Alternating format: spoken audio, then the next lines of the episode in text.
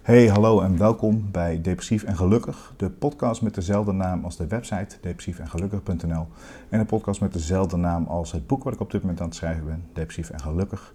Dat allemaal om de taboe omtrent depressie, depressie uh, ja, te verminderen, te doorbreken eigenlijk het liefst. En als ultiem doel om te zorgen dat we iemand die het nodig heeft dat setje uit het diepe depressiedal kunnen geven.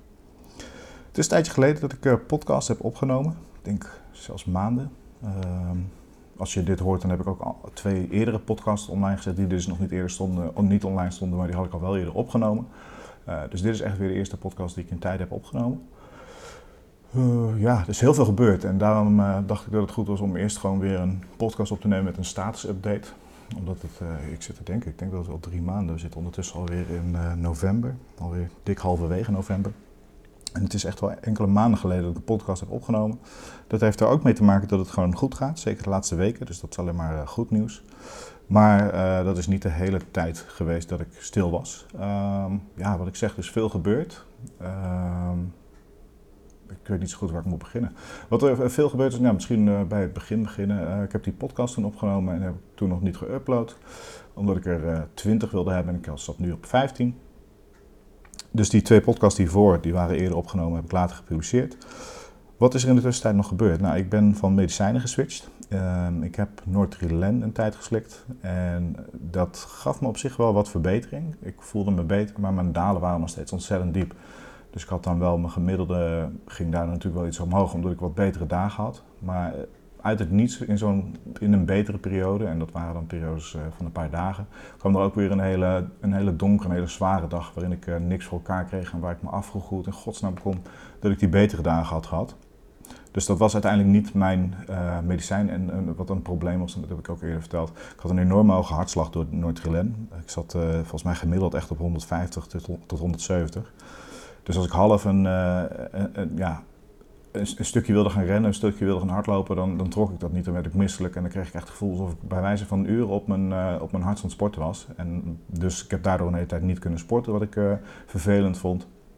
En uiteindelijk heb ik uh, beta-blokkers gekregen van de psychiater om die hartslag dan wat omlaag te krijgen. Dat hielp wel wat. Maar er zaten ook weer bijwerkingen aan.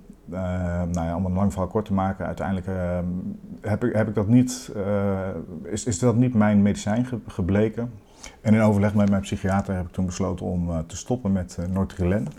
En daarop ben ik begonnen met clomipramine, als ik het goed zeg. En uh, na verloop van tijd kon ik toen ook de, de beta-blokkers weer uit gaan, ja, moet ik zeggen, uitfaseren, weer, weer mee stoppen, afbouwen. En ja, nu gaat het goed. Het, uh, die clomipramine doet me goed. Ik kan helderder nadenken. Ik heb nog steeds dat ik dus uh, beter in mijn vel zit, maar ik heb dan niet dat ik... Uh, ja, ik heb geen hoge hartslag.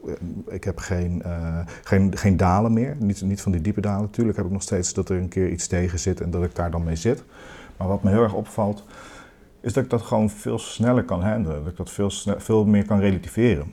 Een voorbeeldje om te, uh, te, geven wat er dus gebeurd is, is uh, dat is nu alweer twee weken geleden. Ik werd ziek op een zondag. Ik werd, ik had een, 2 november was ik jarig. Heb ik een superleuke verjaardag gehad met mijn vriendin, mijn vrouw. altijd iets superleuks voor me geregeld. een verrassingsfeest, waar het eten en we kwamen terug. En hele verrassing met alle vrienden van me. Uh, dus dat was super tof. Die zondag alleen, dat was op een zaterdag, die zondag uh, begon ik me een beetje, ja, een beetje buikgriep te krijgen. Een beetje last van mijn maag, een beetje uh, misselijk. Nou, op zich niks geks. En die maandag nog steeds. En op zondag ook, ook overgegeven.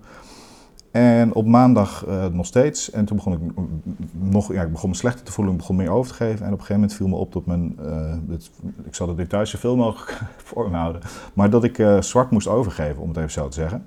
Dus dat is niet echt een goed teken. Uh, door naar de dokter en die zag al snel dat ik was uitgedroogd. En uh, ja, de, de, de, rest van de details gaf hij aan dat ik snel naar het ziekenhuis moest.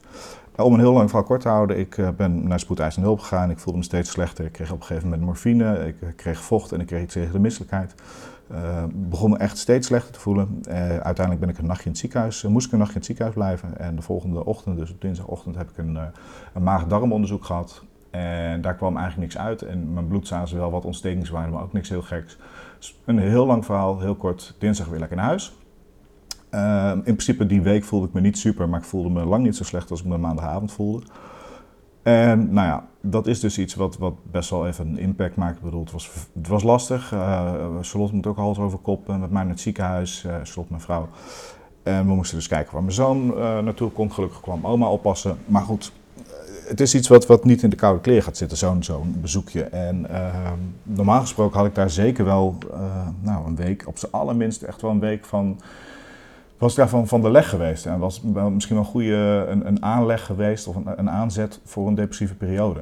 En ik merk nu, nogmaals, natuurlijk heb ik er last van gehad. En mijn stemming is ook echt wel even, bijvoorbeeld die dinsdag en die woensdag had ik echt wel even zoiets van, ja, dan ben je bezig met het opbouwen. Ik bedoel, uh, ik was weer aan het hardlopen en, dat ging allemaal lekker. En dan heb je zoiets van, ja, dan komt er weer zoiets tussendoor. Maar ik merkte gelukkig ook heel erg dat het bij die dagen bleef. Dat het bij woensdag en, en, en donderdag, of sorry, bij dinsdag en woensdag bleef. Dat ik mezelf uh, als het ware heb toegestaan van ja, tuurlijk, het is even zuur. Uh, het is heel vervelend en het klopt inderdaad dat je deze week niet kan hardlopen.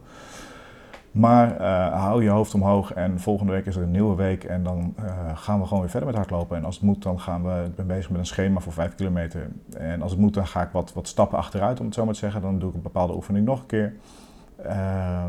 Ja, ik kon veel beter relativeren. Dat het niet het einde van de wereld was en dat het, uh, ja, dat het wel weer goed kwam. Dat ik aan de andere kant ook juist heel blij moest zijn dat er niks ernstig aan de hand was.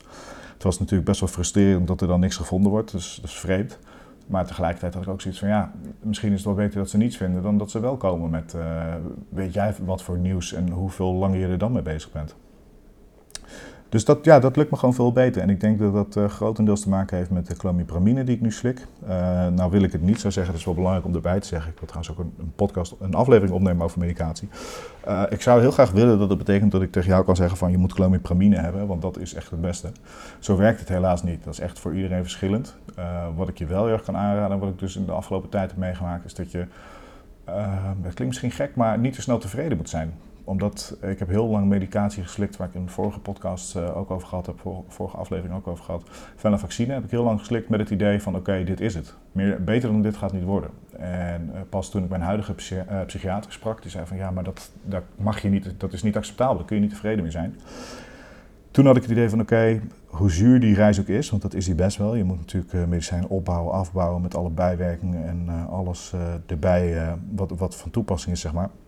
Maar dat is het wel waard. Uh, want zoals ik nu kan ervaren is dus die clomipramine tot nu toe voor mij het best. Ik uh, slik het nu zo uit mijn hoofd twee maanden. Ik durf niet helemaal met zekerheid zeggen, ik denk het wel. Dus ik kan nog niet helemaal zeggen of dit het echt voor mij...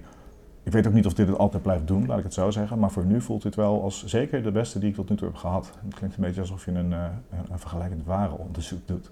Maar dat is ook wel in zekere zin zo. Je moet kijken wat... Die medicijnen zijn zo geavanceerd. Ge, zo, de een heeft dit, de ander heeft dat en de ene heeft die bijwerking erbij. En wat ik zeg, het is heel persoonlijk. Dus wat voor mij werkt, hoeft niet voor jou te werken.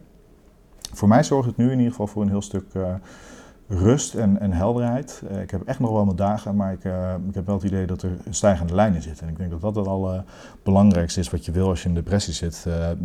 Zeker als je je ontzettend slecht voelt, dan kun je je niet voorstellen dat je je weer goed gaat voelen. Maar het enige wat je dan eigenlijk wat, of het enige, ja, hetgene wat je dan heel graag wil, in mijn geval, is in ieder geval een stijgende lijn zien. Dus dat je elke dag weer ziet dat het iets beter gaat, of dat het in ieder geval niet slechter gaat.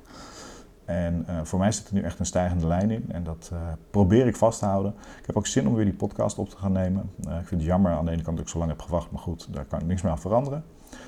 Dus wat ik wil gaan doen, is ik wil het met jullie over nog van alles en nog wat hebben. Ik zou het ook heel erg tof vinden als jullie nog meer naar de website gaan, depressiefengelukkig.nl. Je kunt er mijn boek reserveren, een boek waar ik ook eindelijk weer aan, uh, aan ben begonnen, waar ik weer mee verder ben gegaan. En als je dat reserveert, dan krijg je meteen toegang tot wat ik al geschreven heb. En uh, ik zou het heel tof vinden als jullie naar de community komen. Als je naar depressiefengelukkig.nl slash community gaat, of gewoon naar depressiefengelukkig.nl en dan even op community klikt, dan kun je gratis toegang krijgen tot de community. En daarin zitten nu al een stuk of 15 mensen uit mijn hoofd. Dat vind ik echt heel erg tof. En wat we daar doen is gewoon, we helpen elkaar. Dus als er iemand een keer een slechte dag heeft, of als er iemand juist uh, iets, iets moois te delen heeft, dan hebben we het daar met elkaar over. En wat ik heel erg tof vind, is om te zien dat mensen elkaar gewoon echt heel goed kunnen en willen helpen. Dus mocht je dat nou half interessant vinden, je kan gewoon, uh, desnoods voorzien je een naam. Je hoeft dus niet uh, meteen je hele hebben en houden online te gooien. Mag natuurlijk wel. Maar als je het fijner vindt om eerst anoniem uh, te kijken, dan kan dat. Je geeft gewoon een naam op en je komt in de community met wat kanalen die we er hebben. Bijvoorbeeld motivatiekanaal, we hebben een kanaal voor medicatie. En het is gewoon heel tof om, om te zien dat we elkaar daar kunnen en willen helpen. En ik hoop je dus ook daar te zien. En luister ook vooral graag nog even naar de rest van de podcast. Dankjewel.